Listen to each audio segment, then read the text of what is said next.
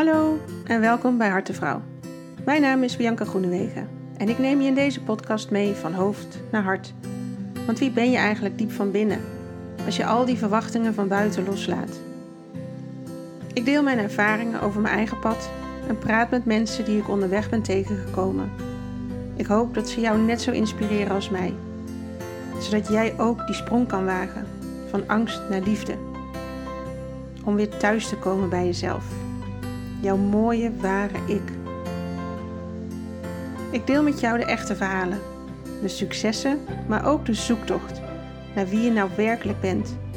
Want die zoektocht kennen we allemaal. En hoe meer we delen, hoe meer we helen. Want jij, mooi mens, mag precies zijn zoals je bent. Laat je inspireren en kies je eigen pad. Ik nodig je uit. Ga je mee?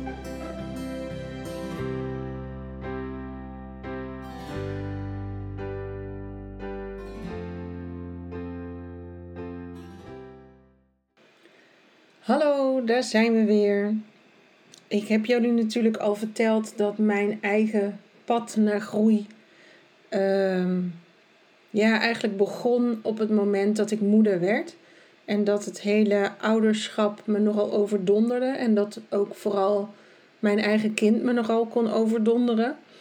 Uh, met zijn eigen willetje. En ehm, hij, uh, hij had niet zoveel met het opvoeden vanuit de boekjes. Dus uh, ik ben toen op zoek gegaan naar manieren die wel kunnen werken. En in die zoektocht kwam ik in contact met Janneke van Olven. En zij is orthopedagoog en uh, had zich al, ik, ja, ik denk dat dat al een jaar of acht geleden of zo is, misschien nog wel meer, uh, gespecialiseerd in hooggevoeligheid bij kinderen. Uh, en daar ook nog een strong-willed variant bij. En ja, ik zat toen nog helemaal in de modus van um, het zit bij mijn kind en ik wil hem leren begrijpen en daar wil ik als ouder uh, alles aan doen. En tijdens een van haar uh, lezingen of cursussen die ik volgde, toen kletterde er letterlijk echt zo'n, niet een kwartje, maar een riksdaalder naar beneden van, oh, dit gaat helemaal niet over hem, of misschien ook, maar dit gaat eerst en vooral gewoon over mij ik ben degene die te dealen heeft met de gevoeligheid. En echt jongens, tot dat punt wist ik het niet. Ik had het nooit bedacht dat dat bij mij van toepassing was.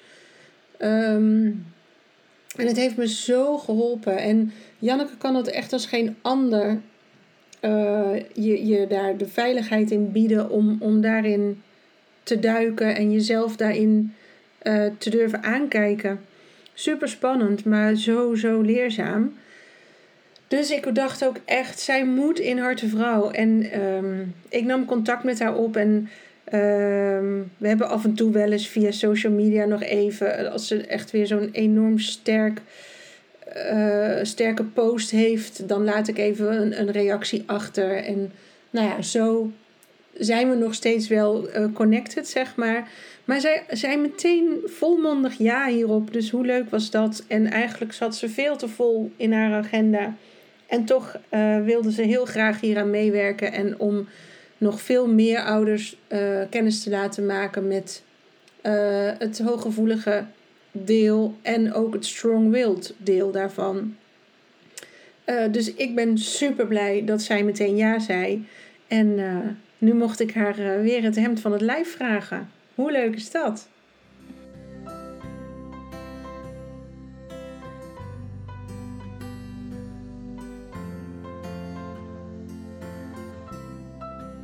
Nou, wat leuk dat je mee wilde doen. Ja, eens gelijk. hartstikke leuk en leuk je weer te zien ook. Ja, zeker. Ja, dat kan je nog herinneren, want het is lang geleden. Ja, dat kan me zeker herinneren. Ja, ja, ja nee, dat was niet uh, weg. Oh, dus, uh, ja, ik ben je ook nog wel eens tegengekomen hier en daar op social media, geloof ik.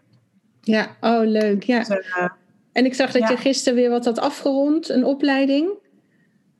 Ja, ik leid inderdaad ook professionals op nu, hè, in de combinatie hooggevoelig met de sterke wil. Ja. Ja, omdat het zo ja, het is, het is zo uh, groot geworden, hè? Ja. Toen, jij, uh, toen ik jou leerde kennen, toen uh, was ik eigenlijk net mee bezig. En uh, ik was ook helemaal niet bezig met het nou zo groot worden. Ik wilde daar gewoon dat daar meer zicht op kwam. Het was meer de ontdekking van mezelf, dankzij mijn zoontje. Dat ik dacht, oh ja, die combinatie die...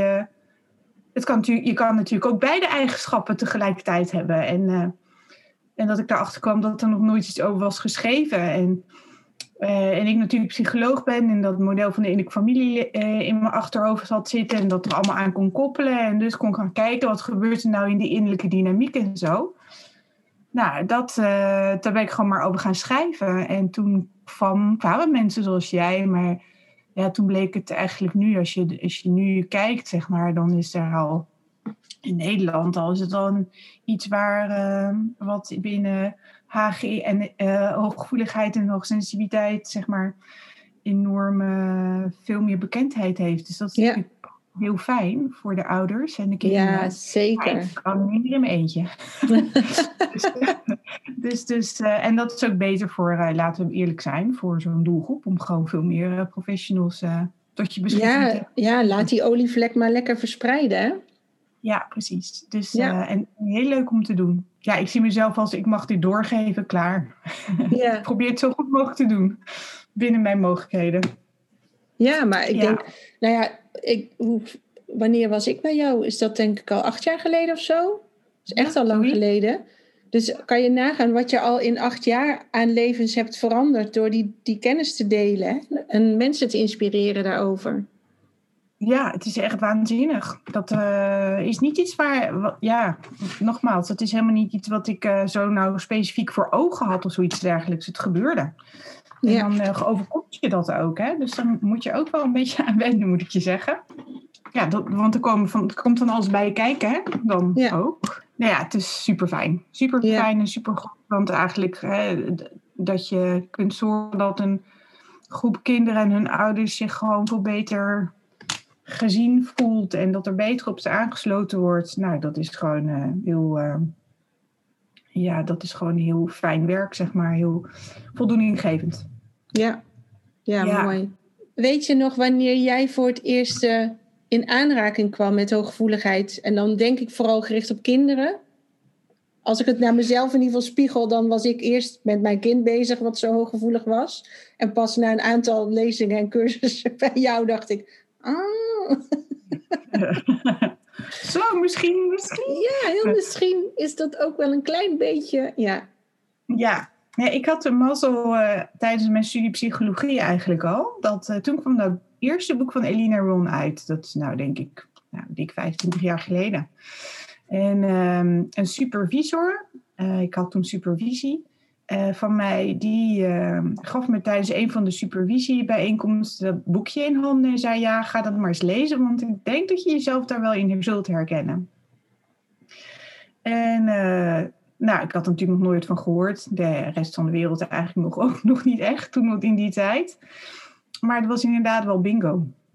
Ja, en het fijne vond ik ehm, dat ik voor het eerst in. Um, ja, in, in positieve termen las over wat tot dan toe eigenlijk meer uh, beschreven werd als een last. Wat ik zelf ook veel meer zag als een last en niet waar ik de last van had.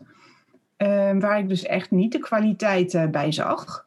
En dat deed Elina Ron toen wel. Die beschreef toen in dat boek natuurlijk de kwaliteiten van hooggevoelige mensen. en dat is natuurlijk een eigenschap, bestaat ook uit kwaliteiten. Dus ja, dat gaf me toen heel veel inzicht en veranderde ook wel het beeld dat ik op, uh, naar mezelf toe had. Dat ik het, kon het anders gaan framen, ik kon anders naar mezelf gaan kijken. Wat deed wat met mijn zelfbeeld. Um, dus daar is het voor mij begonnen, al een hele tijd geleden. En um, kon daardoor een aantal dingen plaatsen. Voor mij als kind wel.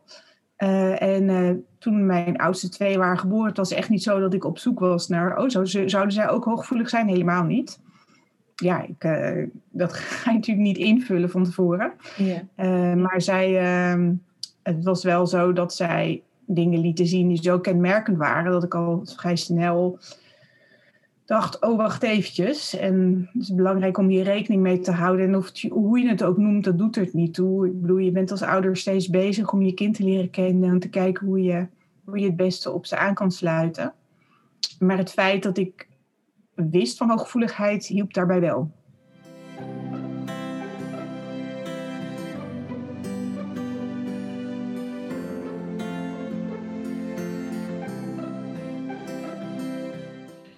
Zijn er nou specifieke kenmerken die, waarvan jij dan ziet van, ja, dan moet je gewoon wel richting hooggevoeligheid gaan denken bij een persoon of een kind? Ehm, dat zijn altijd een combinatie aan uh, kwaliteiten. Dat is eigenlijk het uh, punt. dus um, nou, voor de meeste mensen weten wel dat de, de, het stadium voorbij zijn. Van dat zijn die kinderen die heel bewust zijn van allerlei prikkels die binnenkomen. En dus sneller overprikkeld kunnen worden. Uh, het is veel meer dan dat natuurlijk. Hè, maar um, waar ik het bij hen wel Hè, dat merkte ik wel bij hen, dat zij gewoon een, bijvoorbeeld een harde lach of zo, dat kwam dieper binnen. Dus konden er ook sneller van schrikken. Um, uh, drukte om zich heen. Dus ik, herinner me een keer dat we, uh, ze waren een jaar of twee geloof ik, uh, en eh, toen was het Koningsdag, of Koninginnedag was het toen nog. En nou, we dachten leuk, we nemen ze mee. Er was een plek waar voor peuters ook allerlei dingetjes gedaan waren. Nou, ze klom, ze renden toen we ze eenmaal op de grond hadden gezet naar de hekken, want dat was een speeltuin. Probeerden daar overheen te klimmen. Zo verschrikkelijk vonden ze het. Veel te druk. Dus um, ja, daarnaast waren ze, hè, dus de kwaliteit dat je ook, ze waren altijd met een grote ogen eigenlijk alles om zich heen aan het uh, inspecteren en bekijken. En uh, uh, heel erg aan het observeren. Ik herinner me zelfs een vriendin die daar een beetje ongemakkelijk van werd. Dat hadden we met haar afgesproken in een cafeetje. En toen zei ze, ja, ze zit alleen maar om zich heen te kijken en naar mij te kijken. Ik raakte er vast een beetje geïntimideerd van, zei ze toen. Uh, en het was ook alsof ja, dat er voldoende was. Gewoon de wereld bekijken, dat was al zo indrukwekkend. Laat staan hè, dat je er nog van alles mee moest of zo. Uh, dat was bij hen heel, heel opvallend. Uh, maar dat is het natuurlijk niet alleen. Het is ook, hè, wat ik eigenlijk al een beetje beschrijf, dat um, hetgeen dat binnenkomt ook diepe indruk maakt. Dus de diepe beleving, de, de rijke beleving, uh, wat ook de diepe verwerking van de informatie. Dus het is niet alleen hè, dat, het, dat er meer prikkels tot het bewuste brein door, doordringen en meer subtiele prikkels, waardoor dat bewuste brein sneller vol zit en je dus ook eerder moet verwerken en herstellen. Het is ook, hè, dan kun je het ook meer genieten van allerlei subtiliteiten aan smaken, geuren en dingen om je heen. Het is ook dat als die informatie in binnen is gekomen, zeg maar, uh, dat er ook veel informatie uit die informatie wordt gehaald. Mhm. dus vergelijk het met een verteringssysteem wat snel gaat. En ik, ik hou niet zoveel voedsel uit het voedsel wat binnenkomt, niet zoveel voedingsstoffen. En deze kinderen halen heel veel informatie uit de informatie die binnenkomt. En dat zien we terug in het brein. Ja, en bij kleine kinderen is dat nog heel moeilijk te herkennen natuurlijk, omdat ze nog niet praten. dus je hoort dan nog niet wat, ze allemaal, uh, wat er allemaal gebeurt. Maar ja, je merkt wel bijvoorbeeld dat uh, waar je het wel aan kan merken, dat is dat als na, een volle dag dat ze meer moeite hebben met inslapen, bijvoorbeeld onrustiger zijn, uh, dat soort dingen. En zodra ze een beetje kunnen praten, uh, dan gaan ze dus vertellen wat er allemaal in ze omgaat. En dan ehm, kunnen ouders echt verbaasd staan van de reflecties en van wat er allemaal, wat ze zich allemaal hebben onthouden en wat er allemaal in zich af heeft gespeeld. Um, ja, dat zijn allemaal dingen waar je het aan zou kunnen herkennen. Ehm, in ieder geval gaat het erom dat je merkt van hé, hey, um, goh, uh, hè, andere kinderen kan ik makkelijk naar een barbecue slepen. Met deze kinderen kan het ook wel, maar misschien moet ik iets eerder. en moet ik ook kijken, is het niet te druk? Dus de, de randvoorwaarden in de context um, ja, kunnen ervoor zorgen dat een kind sneller, dat het potje sneller vol zit. En dan moet je gewoon zorgen voor tijdig, tijdig verwerking en herstel. Ja, ja, en dan merk ik ook wel dat soms mensen van nu in ieder geval denken van ehm, ja, vroeger was dat er allemaal niet. En uh, nu is iedereen maar gevoelig of dit of dat. En daar zit zoveel afkeur in. Um, maar is het ook zo dat het vroeger niet was? Is het echt zo dat dit de, een ander type mens, type kind is? Die nieuwe tijdskinderen waar, waar ze het dan ook over hebben. Hè? Zijn dat dan meer de hooggevoelige kinderen? Of was dat er vroeger ook, maar was er gewoon geen plek voor en had je je maar te gedragen binnen het malletje? die vraag wordt mij ook wel eens gesteld. En ik vind dat heel moeilijk te beantwoorden. Want uh, ik overzie dat niet. Er zijn, niet, er zijn geen onderzoeken gedaan voor die tijd.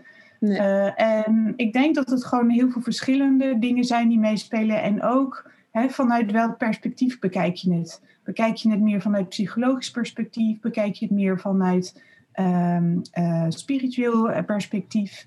Um, of bekijk je het meer vanuit een soort um, ja, doe maar gewoon, dan doe je al gek genoeg ja. perspectief of zo. Hè? Want we willen dat je zoveel, ja, dat je echt wars bent van, ja, van, van proberen om, om, om excepties te maken. Hè?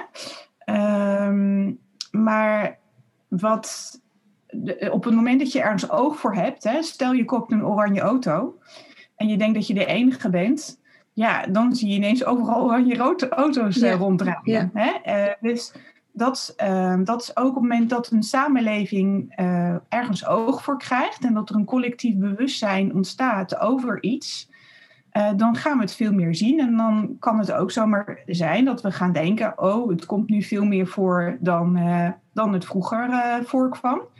Het is ook een kwestie van framen, wat ik eigenlijk al zei over mezelf. Ook hè, ja. dat je iets eh, wat je wel zag heel anders definieert dan dat je het eerst deed. Dat je het veel meer zag vanuit het perspectief van ik heb er last van. Nou, ja. daar krijg je dan dus last van. Veel ja. meer dan als je het ziet vanuit het perspectief van oh ja, hè, dit zijn kwaliteiten. Als ik er dus zo rekening mee hou binnen in mezelf en in mijn context, dan kan ik daar eigenlijk uh, veel profijt bij uh, van hebben. En mijn omgeving ook overigens. Um, en uh, tegelijkertijd zijn wij natuurlijk als samenleving en als mensheid ook aan het evolueren. Op verschillende niveaus. En ook op spiritueel niveau, als je daar oog voor hebt. Ja, ik werk ook op spiritueel niveau. Meer op energetisch zou ik het noemen, zeg maar. Maar dat maakt niet uit, dat is ook maar een naampje. Um, dus ik kan me dat perspectief heel goed voorstellen. Uh, uh, ik kan ook vanuit dat perspectief kijken. Um, en, maar van meer vanuit de psychologie hè, evolueren wij. En um, ja, um, zie je dus, kan, kan het dus heel goed zijn dat er bepaalde kwaliteiten wat meer, uh, uh, ja, wat meer ontstaan. Uh, wat meer in de samenleving ook noodzakelijk zijn. En misschien ook wel ja, dat, er, dat er daardoor ook dus meer oog voor is. Ja, zo. Maar goed, ja. hè, hooggevoeligheid, hoogsensitiviteit is natuurlijk um, inmiddels wetenschappelijk um, heel goed onderbouwd. Uh, daar, hoef je geen, uh, ja, daar hoef je geen vraagtekens meer uh, bij te zetten. Dus, um, en het komt ook bij dieren voor, hè? dus niet alleen bij mensen. Hmm. Ja, een vriendin van mij die heeft een hond. En wij hebben, schrijven dus ook hooggevoeligheid aan die hond toe. Want die, um, ja, die gedraagt zich echt op een hele bijzondere manier. En die heeft echt. Er is een vriendin geweest die heeft ooit een hoestaanval gehad in hun huis. En die hond is dat niet vergeten. Elke keer als zij binnenkomt, dan kruipt hij helemaal weg. Van, oh mijn god, daar is ze weer. Zij van die hoestaanval. En um, ik heb een paar jaar daarna, heb ik ook, nou ik denk drie keer moeten hoesten, maar wel echt hard. En sindsdien kijkt hij ook altijd zo naar mij. Van, wat ga jij doen? Ga jij ook zo'n belachelijke hoestaanval weer krijgen? En ook de manier waarop je dan met hem kan praten, daar, daar verandert hij dan gewoon in of zo. Het is heel erg grappig hoe hij reageert op mensen. Echt anders dan alle andere honden die ik ken. Dus dat, ja, hij is echt daar ja. heel fijngevoelig in uh, hoe hij daarmee omgaat. Dus ik vind dat echt hilarisch om te zien. Maar inderdaad, mooi dat jij zegt dat dat dus ook echt kan bij dieren. Ja, daar zijn ook wel onderzoeken naar gedaan. Lang niet zo uitgebreid als bij mensen natuurlijk. Maar, uh, uh, dus dat is wel interessant. Dus een interessante invalshoek.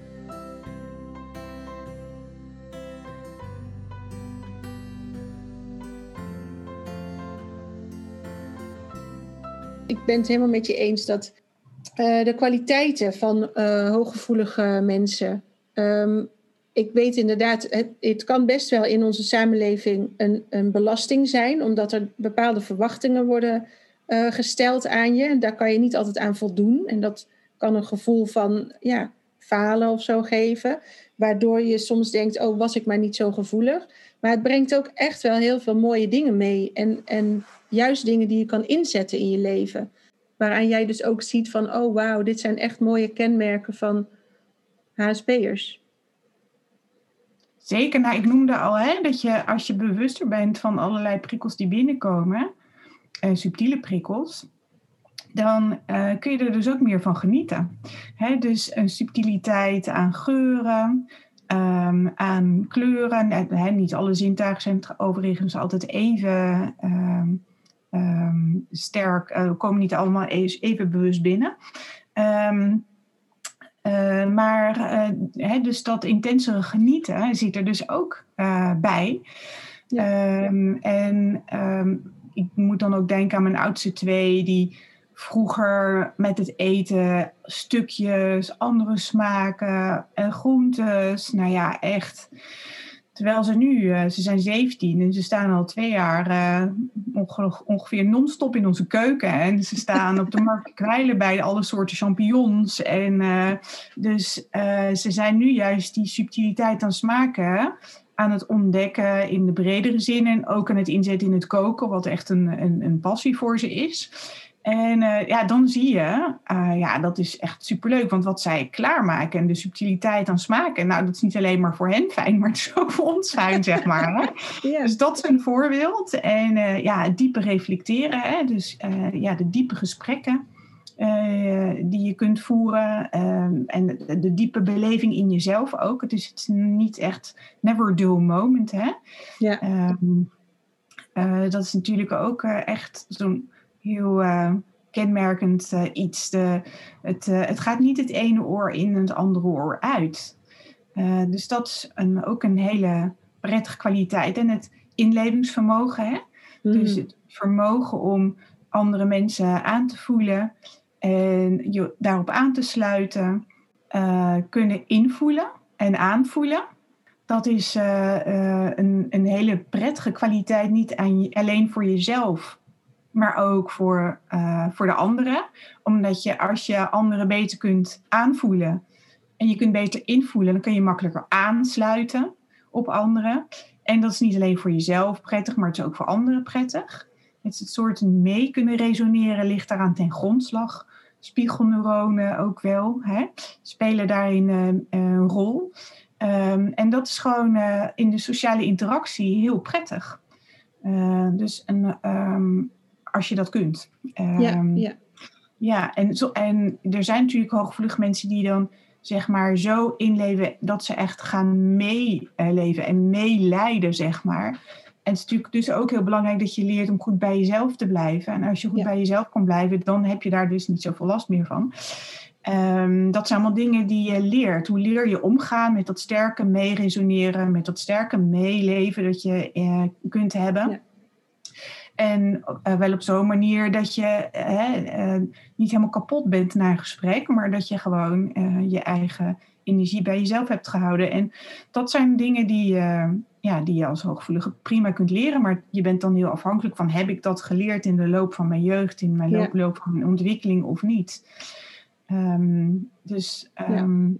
zo noem ik er even een paar. Ja, nee, je hoort inderdaad wel van mensen dus ja, ik ben echt een spons, want ik neem alles op van die ander. En dat ik denk, ja, maar een spons kan je ook uitknijpen. Want je kan het opnemen zodat je inderdaad resoneert met diegene, maar je hoeft diegene niet te worden. Je mag het ook weer bij die ander laten. Um, en dan heb je alleen maar de, de vruchten ervan, omdat je heel goed kan aanvoelen wat er bij die ander speelt. Maar dat wil niet zeggen dat jij het moet gaan dragen voor die ander. Nee, en dat, dat klinkt heel logisch. Hè? Mensen snappen dat meeste ook wel, maar ga het maar eens doen. Hè? Mm, ja, zeker. Kom, ja, en dan kom je zeg maar op het terrein wat niet cognitief, het is niet heel cognitief uh, hoe je dat leert. Hè? En je hebt het dan meer over het lichamelijke of uh, op de emotionele laag en zelfs op de energetische laag. Net wat welke hoek jou aanspreekt en um, op jou aansluit. Maar um, ja, dat zijn dingen die we niet op school leren, laat ik het zo maar zeggen. Nee. Dus dan ben je heel afhankelijk van ja, je ouders en de omgeving waarin je zit. En of je leert om goed bij jezelf te blijven of niet. Maar een hooggevoelig persoon heeft dat wel nodig. Meer dan een ander. Het is voor iedereen gezond om te leren om goed bij jezelf te blijven. En maar als je heel erg meer uh, ja. kunt meeresoneren met een ander, is dat helemaal belangrijk. Ja, zeker. Dus dat geloof ik ook Ehm, wel. Ja, Ja, en ehm, toen ik bij jou de cursus volgde, toen liet jij mij kennismaken met mijn innerlijke familie. En dat vond ik zo'n enorme verduidelijking eh, van waarom ik soms op zoveel verschillende manieren reageer. Kan je daar eens wat over vertellen? Of waarom je de innerlijke familie eigenlijk erbij hebt gehaald, zeg maar. Ja, het model van de innerlijke familie is ontwikkeld door uh, Ariane Klein. Dat is uh, een vriendin van mij. Ik ken haar sinds de studie. En om een lang verhaal kort te maken, ik ben altijd heel erg in de persoonlijkheidspsychologie geïnteresseerd geweest. En ik, was, uh, ik had al allerlei uh, opleidingen ook op dat gebied gedaan, waaronder de MBTI. En dat was allemaal heel interessant, maar het was toch niet echt wat ik zocht. Want ik zocht een model waar ik alles onder kon hangen.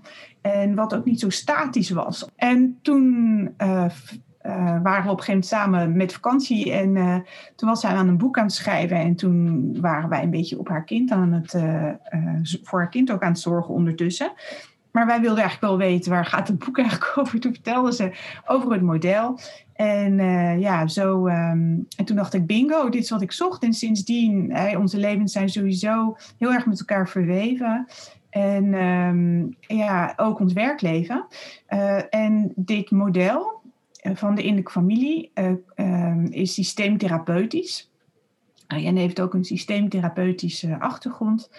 Um, en gaat uit van uh, ja, zeg maar een kinddeel in jezelf en een volwassen deel in, jezelf.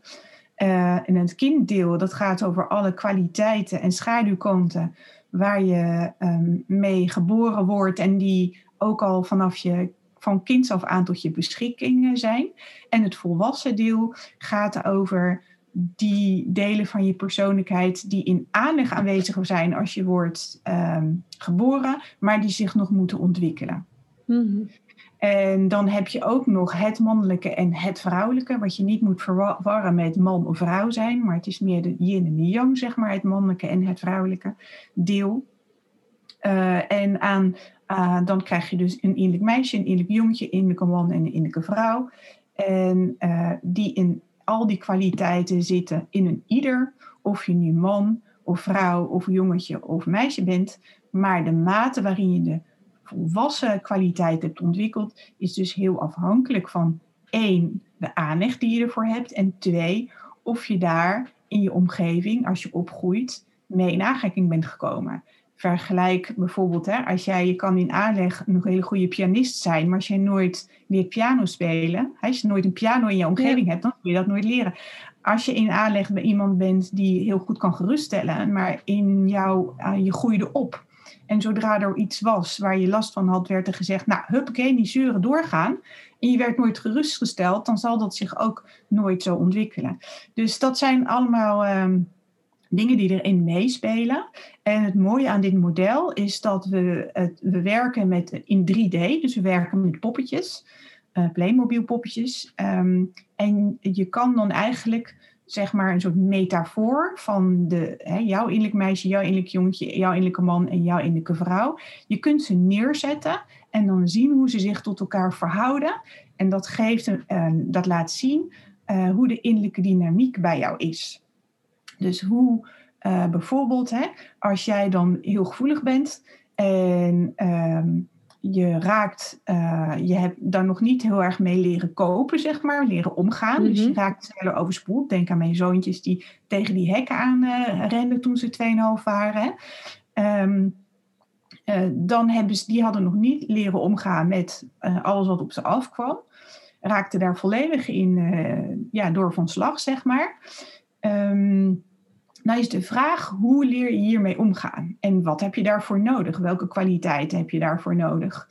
Um, en je kan dus eigenlijk als het soort, van toneelspel maken. Hè? Je kan het neerzetten. Wat gebeurt er nou van binnen bij mijn kind?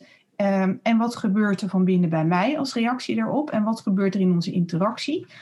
Dat geeft ontzettend veel inzicht. Het is een heel toegankelijk, verhelderend model aan de voorkant Dus voor uh, ouders, zoals jij hè, in de cursus was, je ziet eigenlijk gelijk, oh, dit is wat er gebeurt.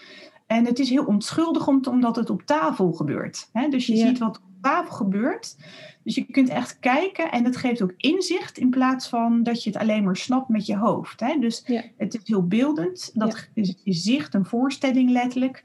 Um, en dat is heel prettig ehm, ja. aan dit model. Ja.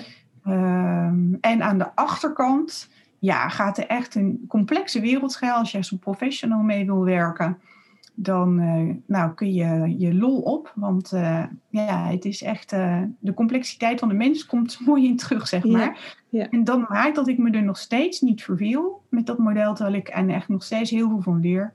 Al zijn we inmiddels alweer ja, 14 jaar of zo dat ik er nu mee bezig ja. ben.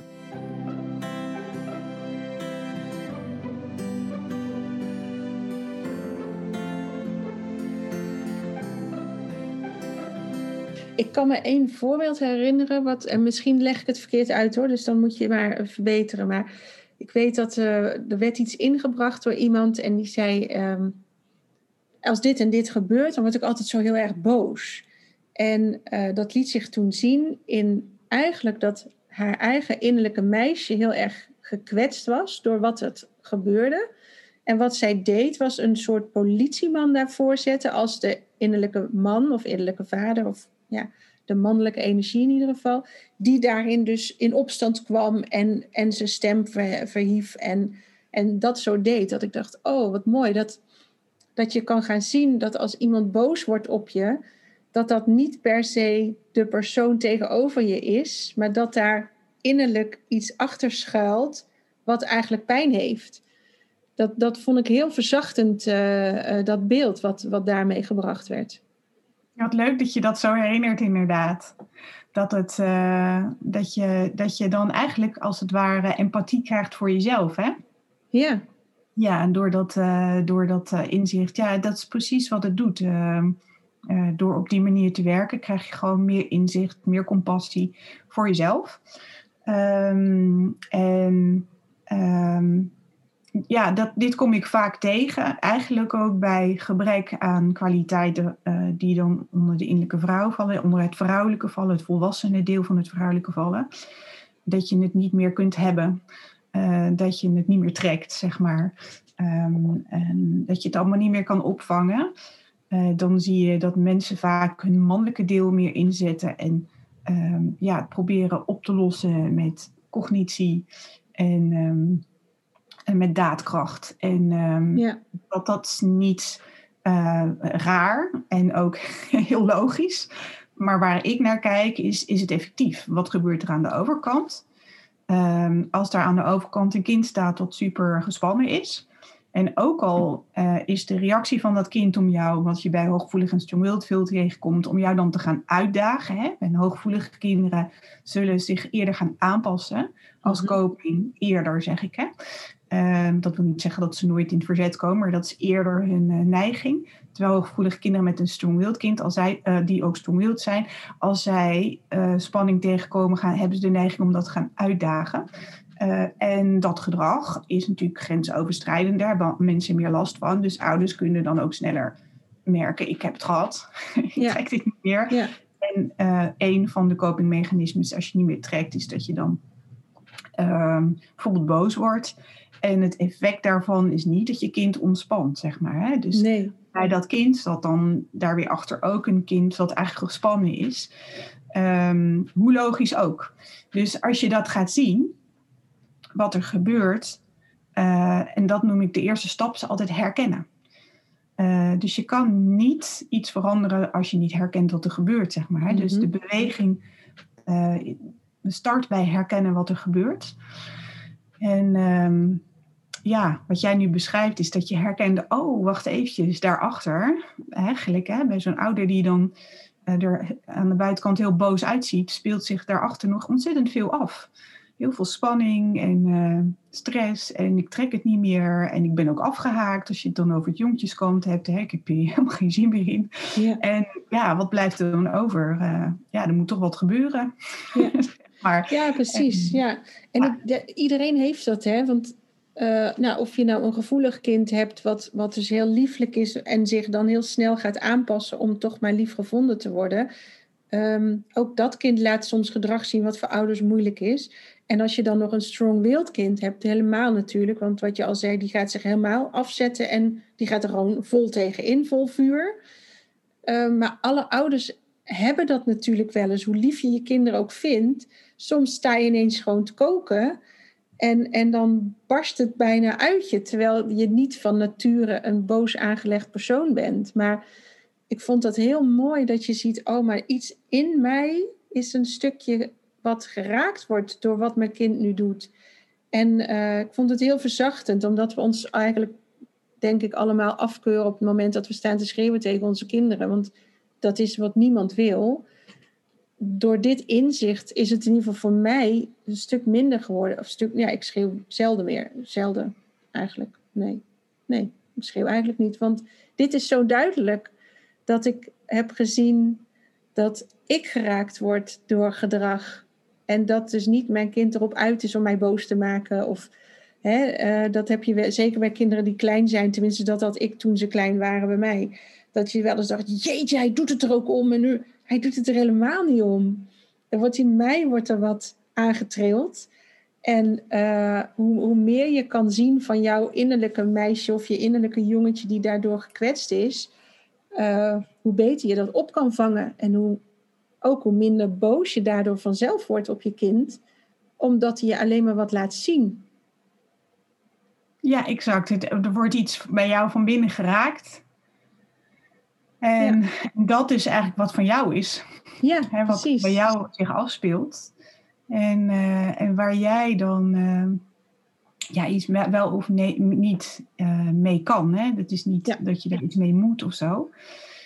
wat mensen soms ook wel eens denken, oh, dan, het is, ik heb daar last van, dus ik moet daar wat mee. Nee, ik heb daar last van, ik kan daar wat mee als ik dat wil. Dat is mijn vrije wil.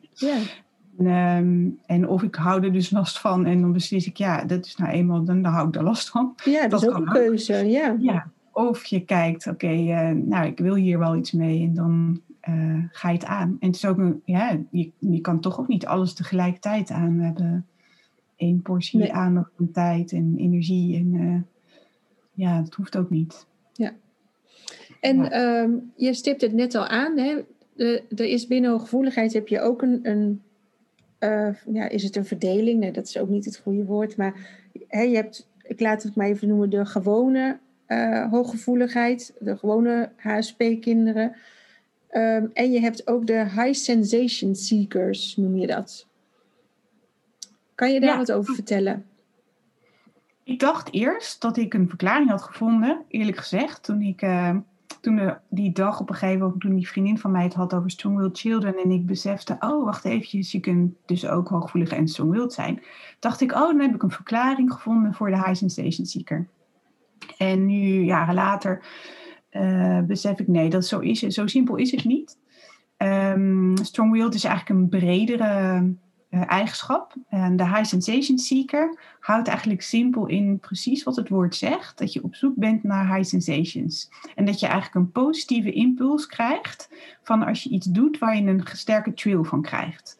Dus de ene persoon die iets doet, die um, bijvoorbeeld die bovenop uh, een hele hoog gebouw staat, die krijgt daar een positieve kick van terug. Een kick, maar die, die, die kick wordt als positief uh, geregistreerd, zeg maar. En de ander die krijgt daar een heel naar gevoel bij. Degene die daar dus een positieve kick van krijgt, ook al was het heel spannend, hè, ze voelen alle twee spanning, um, die zal dus de neiging hebben om dat weer op te zoeken. Dat is een high sensation seeker.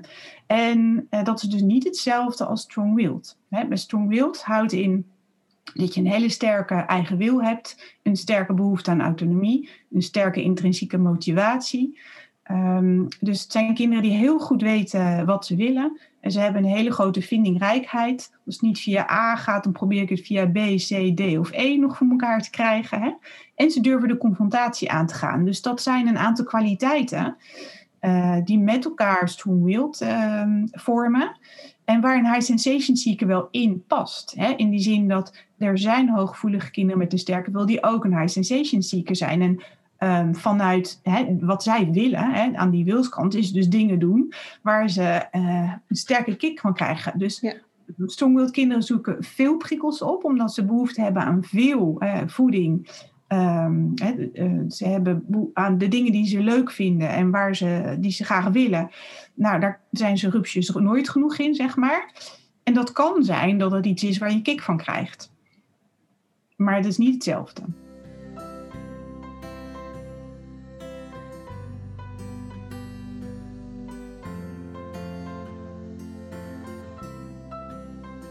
Ja, dat herken ik wel bij mijn, mijn uh, oudste. Die is, die is enorm uh, uh, een eigen wil. En daar moet je ook vooral vanaf blijven. Maar dat is niet iemand die graag boven op een berg staat om er af te springen. Want dat is echt veel te veel voor hem. Maar hij heeft wel heel duidelijk zijn eigen pad gekozen. En als hij dat wil, dan wil hij dat. En dan kan ik wel 80 alternatieven aandragen. Maar dat heeft geen zin. Hij wil dat. Nou, dan doen we daar dus is dat. zinnen dan op gezet. Ja, precies. En, soms zijn het wel oogkleppen hoor, vind ik. Dat ja. is wel eens lastig. ja, als je ergens waar willen ze dan weg, ja, dan moet je ook wel oogkleppen opzetten. Want er is natuurlijk heel veel mensen gaan proberen om je. Nee, dat, dat kan als ouder best wel heel lastig zijn. En, uh, maar het kan ook zijn hè, dat je alles wil weten over, weet ik veel, de geschiedenis. Dat kan ook, hè? Dat, je, dat, dat is uh, um, waar je of uh, dat je zin hebt opgezet dat je echt een lichtskelter wil gaan uh, maken zelf. Dat was iets uh, wat een van mijn zoon opgegeven volgens per se. En dat is wat ik ga, weet je wel. Of dat je een kind bent wat gewoon um, altijd alles samen wil doen met anderen. Um, met anderen heel sociaal. En dat je interesse vooral op sociaal gebied zit. En dat je daar um, je zin op hebt gezet. Ja. Um, ik krijg mijn jongste nooit iets zelf doen. Nou, dat uh, hè, weet je, dus dat boeit hem. Hij, alles, hij vindt heel veel dingen interessant, maar dan wil hij dan samen met anderen ontdekken. Ja, ja grappig. En um, wat zou je nou aan ouders, wat geef je als tips aan ouders om hier op een prettige manier mee om te gaan, zodat de dynamiek gewoon wat meer gaat stromen? Want ik denk dat de meeste ouders, in ieder geval laat ik voor mezelf spreken, ik kwam bij jou omdat het botste. En omdat ik niet hem goed kon opvangen. Um, welke tips geef jij mee aan ouders om wat meer rust en, en stroming in het gezin weer terug te brengen? Ik werk eigenlijk nooit zo met tips. Um, omdat um, de meeste vragen waar ouders mee komen, zitten meer op het gebied van aansluiten en zijn dus relationeel. Ja.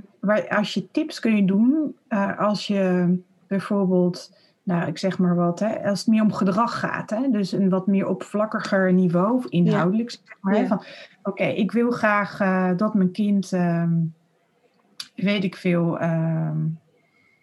mm, nou kom niet eens zo snel op een voorbeeld. Nee, want je doet niet maar, aan tips, dus dat is uh, ook logisch. Nou ja, ik, soms wel, zeg maar. Hè, uh, moet ik even denken aan een concreet voorbeeld. Dan vraagt iemand bijvoorbeeld aan mij van ja, um, hoe kan ik ervoor zorgen dat uh, mijn kind... Um, Um, als bijvoorbeeld voedsel en strong wild houdt er niet van met een boekje op de bank gaan zitten, maar heeft dan iets wel toe aan een moment van rust. En uh, hoe kan ik dat dan doen, zeg maar? Ja. En dan kan ik als tip geven, kijk naar waar jouw jongetje, dat, hè, of jou, jouw kind dan van aangaat. Ja. Uh, waar die op aanhaakt. En je kunt ook dingen bedenken die en, hè, waar je ook en, hè, waar het kindje op aanhaakt en die ontspannen zijn dingen, ja. creatieve dingen. Of, ja. um, hè, dat, dat is het niveau van tips, zeg maar. Maar als de vraag meer zit op het niveau van ja, mijn kind, uh, uh, wat jij ook net zei, van ik, uh, mijn kind, als die zo doet, ja, ik trek dat niet meer dan. Ja. Ik kan dat niet meer aan. Ja, dan kom je niet ver met een tip van, uh, nee, nee. Uh, ja, dan moet je rustig blijven of zoiets dergelijks. Hè? Ja, ja. dan, dat snapt iemand zelf ook wel. en dat hebben ze ook al wel gelezen twintig keer op internet, zeg maar. Dus dat zit op een dieper niveau.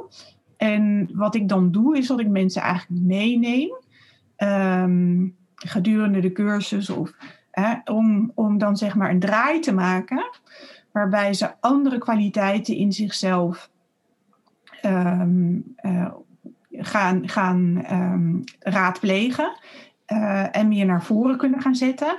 En als ze die kwaliteiten nog niet helemaal ontwikkeld hebben, uh, dat, dat ik ze help naar wat sluit op en aan om die kwaliteiten te kunnen ontwikkelen. Ja. Um, en soms zit het nog weer een laagje dieper op het uh, relationele vlak. Um, en moet je de context ook meenemen. Um, dus uh, het is ja, als het om gezinnen gaat, niet altijd eenvoudig met tips op te lossen. En, en zeker niet als mensen bij mij komen, merk ik dat dat gewoon vaak wat, wat dieper ligt. Ja, ja dat snap uh, ik. Ja. Maar hè, in zijn algemeenheid, uh, wat ik veel tegenkom, is dat mensen veel in hun hoofd zitten. En proberen om het op te lossen. Uh, en, en ook, ook hè, komen met de vraag van ja, wat moet ik nou toch doen? Ehm, En eigenlijk gewoon het contact met zichzelf kwijt zijn geraakt. En, ja. en niet meer goed weten hoe ze er kunnen zijn. En eigenlijk al zelf een hele tijd overbelast zijn. En al een hele tijd niet meer hersteld zijn. En dus wat je ook veel ziet in onze samenleving, en dan grijp ik even terug op, hè, is er nou meer hooggevoeligheid of hebben we er nou meer last van? Ja, het kan ook zijn dat we met z'n allen meer last hebben van die hooggevoeligheid, omdat we in een context leven ja. waarin er eigenlijk veel meer, veel meer prikkels zijn aan de ene kant en aan de andere kant veel minder tijd wordt genomen om te herstellen en bij te komen en te verwerken ja. dan zeg 30 jaar geleden. Uh, terwijl er aan de ook hè, parallel daaraan wel hè, mindfulness en meditatie en yoga en mhm. allemaal dat soort dingen veel meer in opkomst zijn. Het is ook omdat het veel meer nodig is. Hè, omdat we veel hè, twee verdieners, gehaaste levens, volgepropt, ontzettend veel mogelijkheden. Ik wil dit en ik wil dat. Nou, hebben we natuurlijk in de afgelopen jaren gemerkt, hè, als dat wegvalt, dat het ook een zekere rust geeft, zeg maar. Ja. Gewoon meer tijd hebt om te herstellen. Dus het zit niet meer zo in ons ritueel mhm. om ook te herstellen op een dag. Ja, en als je dan hooggevoelig, wie krijgt daar dan als eerste last van? Deze hooggevoelige mensen. Dus in, in zijn algemeenheid zit, zit er veel op dat vlak. En wat er dan ook verdwijnt, is het plezier en lol in het leven. En, uh, ja. uh, dat, en daar zit vaak ook een sleutel. Ja, precies. Ja. Plezier met je kinderen. Ja. Wat, wat mij heel erg geholpen heeft, ik weet niet of dat dan een tip is, maar dat heb ik wel bij jou volgens mij geleerd, is dat ik, um, ik stond er ook in als ik moet op een bepaalde manier ouder zijn. Want dat wordt verwacht, of dat, dan doe ik het goed, of hè, zo. Waarbij je al eigenlijk, terwijl ik dit zeg, merk ik al, oh ja, dan ga je dus vanzelf al van jezelf af. Um, en uh, jij hebt hem ook een keer gezegd, maar maar kijk eens wat hij dan nodig heeft. Hè? Want mijn kind was altijd zo autonoom geweest. Zo klein als hij was, uh, moest het op zijn manier. Nou, dat was niet de standaard manier zoals het volgens de boekjes zou, zou horen te gaan.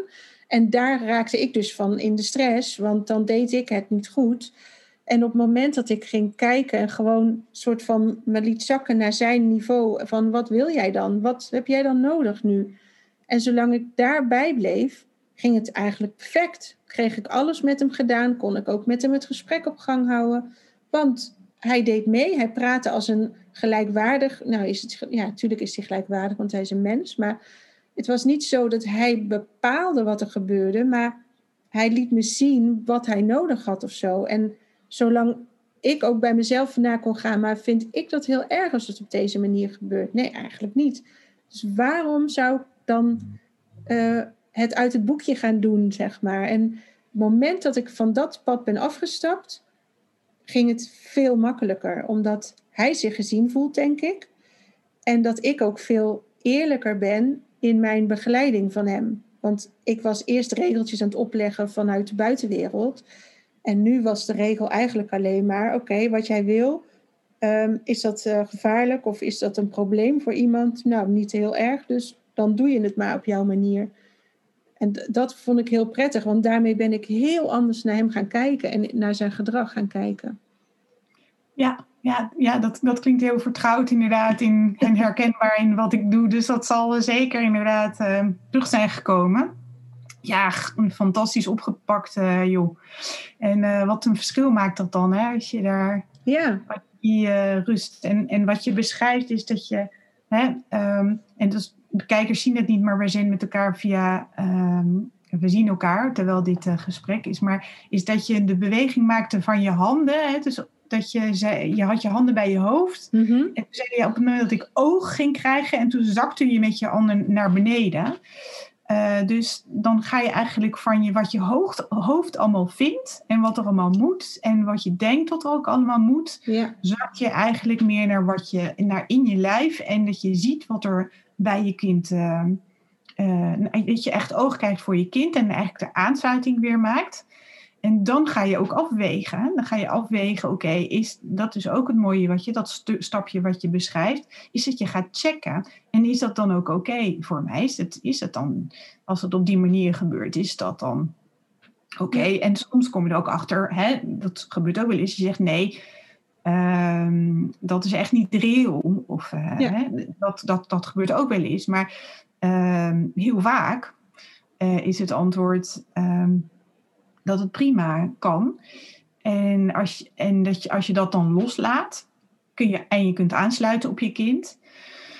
Eh, wat betekent heus niet altijd toegeven, hè, is niet hetzelfde. Nee, maar nee, dat is echt hebben voor je anders. kind is niet hetzelfde als met je kind be- meebewegen. Daar zit wel eens verwarring op. Ehm, eh, en dat, eh, maar dat maakt een wereld van verschil, inderdaad.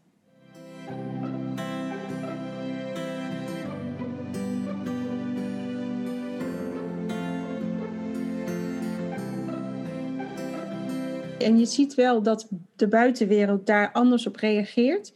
Maar als jij daar zelf als ouder bij kan blijven, ehm, dan, dan is dat ook veel minder eng en spannend dan dat het vooraf lijkt of zo. Omdat je er zelf er zo goed bij voelt en je ziet dat je kind daarmee gewoon sterk komt te staan. En dat is wat je uiteindelijk wil. Je wil niet dat je kind zich heel goed aanpast, volgens mij. Tenminste, ik, dat wil ik niet. Laat ik het daarbij houden. Want knap, knap. Dan Ja. kan hij zich heel goed aanpassen. Zo, poepoe. Ja. Want je wil dat hij zichzelf, dat hij een sterke persoon is. Dat hij dus ook de uitdaging die op zijn pad horen te komen, dat die daar gaan komen. Omdat hij daarin getriggerd wordt en gevoed. eh, eh, ja, in zijn uitdagingen ook. Ja, en die eigen wil, die is daar dus ook voor. Die is eigenlijk om te laten zien, hè, wat past bij mij? Ja. Hè, wat, waar ga ik van aan? En, en, ehm, en dat is zo belangrijk. Ja. Hè, dus je kunnen aanpassen is tot op zekere hoogte ook belangrijk. Hè, de, eh, maar als dat ten koste gaat van je eigen wil, Ja. ehm, van je eigen, dan gaat het dus ook ten koste van je eigen levensenergie. Nou, we weten allemaal waar dat toe leidt. Als je volwassen bent en zelfs Ja. al bij kinderen. Ja, zeker. Mooi. En ehm, jij bent eh, eh, echt wel een specialist op, eh, op het gebied van hooggevoeligheid. En jij geeft daar nog steeds cursussen ook in? Ja, ik geef nog steeds cursussen aan ouders. Ja, dat, daar ben ik mee begonnen. En ik vind dat nog steeds superleuk. Eh alleen ik merkte dus dat, ehm, eh, ja, dat het zo groot werd allemaal, dat, dat ik het zelf niet meer eh, allemaal kon doen. Dus ik geef ook opleiding aan professionals inmiddels. En met hen vorm ik ook een community van hooggevoelig en strongwilled specialisten. Omdat het nog zo'n jong veld is, ehm, mm, zorgen we dat we met elkaar eh, blijven leren van dit veld. En ook ehm, samen kunnen we veel meer dan, dan ieder eilandje alleen, zeg maar. Ja. Dus eh, ik, het is een beetje verdeeld nu. En ik schrijf natuurlijk, dus dat Ja. ook bij. Het- ja, dus het is eh, jong leren met de tijd af en toe. Eh, maar eh, gezinnen en ouders. eh, het leuke is dat je werkt met. eh, ik, wat vind ik nog steeds ook, ja, dat. Ik vind dat zo ongelooflijk bijzonder. Er komen gewoon mensen naar je toe. Het gaat om je gezin. Ja, weet je, Bianca, dat is niks belangrijkers dan dat. Ja. En mensen komen uit liefde voor hun kind. En dat voel je. Ja. Ik voel dat in mijn cursussen. En, eh, en ehm, dat is gewoon, daarom is het een ontzettend leuke doelgroep. ehm, en voldoeninggevende doelgroep om mee te werken. Waar je ook gewoon, waar ik eigenlijk vanzelfsprekend mijn hart aan verbind. Ja. En vanzelfsprekend het beste aan wil geven wat er in me zit. Ehm, ja, en, en daar ga ik van aan. Dus als mijn hart aangaat, open gaat en, en ik, eh, ik, ik wil het beste geven wat ik heb, ja, dan ga ik aan, zeg maar. Dus daarom vind ik deze doelgroep nog steeds zo geweldig. Ja. Ja. Prachtig. Ja, mooi. Ik hoop echt dat je het nog lang mag doen. En dat je nog heel veel ouders hierin mag, uh, mag helpen en inspireren. Want ik denk echt dat, dat heel veel mensen hier wat aan kunnen hebben. Ehm, als ik zie wat, wat mijn groei daardoor is, is geweest, zeg maar, de, dat gun je echt iedereen. Dus ja, gaaf dat jij nog steeds diezelfde vlam hebt die je jaren geleden had toen ik jou leerde kennen. Dat vind ik wel heel mooi om te zien, dat dat gewoon nog steeds, de passie zit daar nog. Ja, dat is ook dankzij mensen als jij. Weet je, want je praat en ik zeg, weet, ik geef alleen maar iets door. En dat kan ik alleen maar doorgeven omdat de ouders die er zitten dat herkennen. Dus het is niet zo dat het alleen maar in mij zit. Jij herkent het. Ja. En dan gaat het bij jou ook aan, zeg maar. En, en nou ja, daarom zit je nu ook, zeg maar. De een zus en de ander zo, zeg maar. Maar um, ja, dus dat is, uh, dat is, ja, dat blijft, het, blijft, het is inderdaad echt een passie en een bevlogenheid. En um, ja, super mooi om mee te werken. Ja. Heb je nog een droom waaraan je werkt? Plannen voor de toekomst? Ik probeer nooit te veel plannen te maken. Ik kijk altijd, dat is een beetje misschien wel een lacune. Um, um, ik, maar ik heb gemerkt dat als ik heel veel plannen maakte, dat het toch anders liep altijd. Dus uh, ik probeer wat meer te volgen uh, ja, waar, ik, waar ik zin in heb en waar mijn hart naar uitgaat. En er zijn ontzettend veel ideeën die ik altijd heb, die ik nu ook nog heb, zeg maar. Dus er, zijn heel veel, er is heel veel wat, er, uh, wat ik nog wil uh, doen. Ja, het zoomt een beetje ehm, rond zo. Ja, ik ga, ik ga bijvoorbeeld. Wat mee, ik ben nu in een fase dat ik veel aan het doorgeven ben. Aan, aan professionals dus ook. En, maar ik ga dus ook een online versie maken van wat ik, wat ik doe. Um, ik, de Engelstalige markt, markt die trekt uh, nog, nog heel erg ook. En een aantal boeken voor, die er nog, e-boeken, ideeën die, die er liggen. Ja, en het is wat ik zeg, een veld, een vrij nieuw veld. Dus ja, ik ontdek eigenlijk meer dan dat ik bij kan houden in schrift. Ja, ja, ja. ja. dus er valt gewoon nog heel veel te doen op dat gebied. Ja, Zeker. Nou, mooi. Hoop dat je dat nog jaren blijft doen. Ik hoop het ook. Dankjewel. Ja, leuk. Ja, Dankjewel in ieder geval voor het gesprek.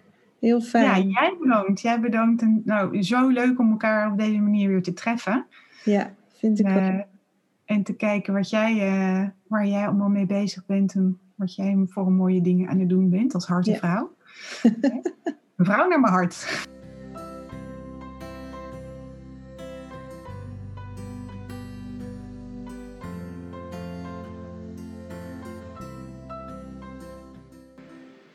Wil je nou meer weten over Janneke en de cursussen die zij geeft over hooggevoeligheid bij kinderen? Dan kun je kijken op de website hooggevoeligheidgrootbrengen.nl. En ik weet zeker dat ze voor jou ook heel veel kan betekenen, net als ze voor mij heeft gedaan.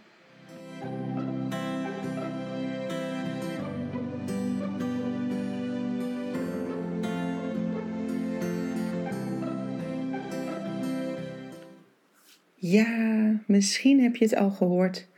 Maar we gaan dit najaar iets heel tofs doen. Uh, speciaal voor jullie ga ik een Hartenvrouw organiseren. 8, 9 en 10 oktober.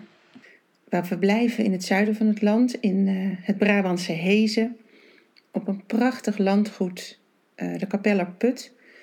En ehm, daarin gaan we onszelf onderdompelen. Eh, tijd voor jezelf, even verstillen, een beetje verdiepen met elkaar we gaan aan de slag met jou volgens een paar van de onderwerpen die ik ook in Harte Vrouw heb besproken. Um, en dan kan je het zelf gaan ervaren. Hè? Want je hebt nu kennis gemaakt met bijvoorbeeld familieopstellingen of met het enneagram. Ja, de beste manier om daar echt mee in contact te komen is om het gewoon te gaan doen. En dat gaan we dat weekend doen. Een soort proeverijtjes van heel veel moois met elkaar. We gaan met een klein groepje, zodat het lekker vertrouwd is voor je. En ehm, dat je even heerlijk bij kan komen. Want we hebben een raar jaar achter de rug. En het is echt nodig om die batterij op te laden. En even wat quality time met jezelf door te brengen. En daar wil ik je heel graag bij helpen. Dus ben je geïnteresseerd? Kijk op biancagroenewegen.nl. Onder het kopje agenda zie je veel meer informatie hoe het weekend eruit ziet, hoe je kunt reserveren. Um, Ja, het zou super tof zijn als je meegaat.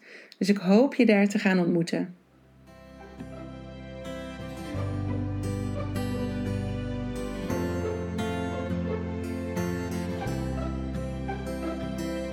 Dat was Hartevrouw voor deze week. Fijn dat je erbij was. Abonneer je op deze podcast, dan mis je geen enkele aflevering meer. Je kunt me ook volgen op Facebook of Instagram. Zoek dan op Bianca Groenewegen Coach. Dan kom je vanzelf bij mij uit. En ben je klaar om zelf op avontuur te gaan? Voor die sprong van angst naar liefde? Van hoofd naar hart? Stuur dan een mailtje naar contact.biancagroenewegen.nl We gaan samen kijken welk pad bij jou past. Hopelijk ben je er volgende week weer bij. Spreek je dan. En niet vergeten, jij bent perfect, precies zoals je bent.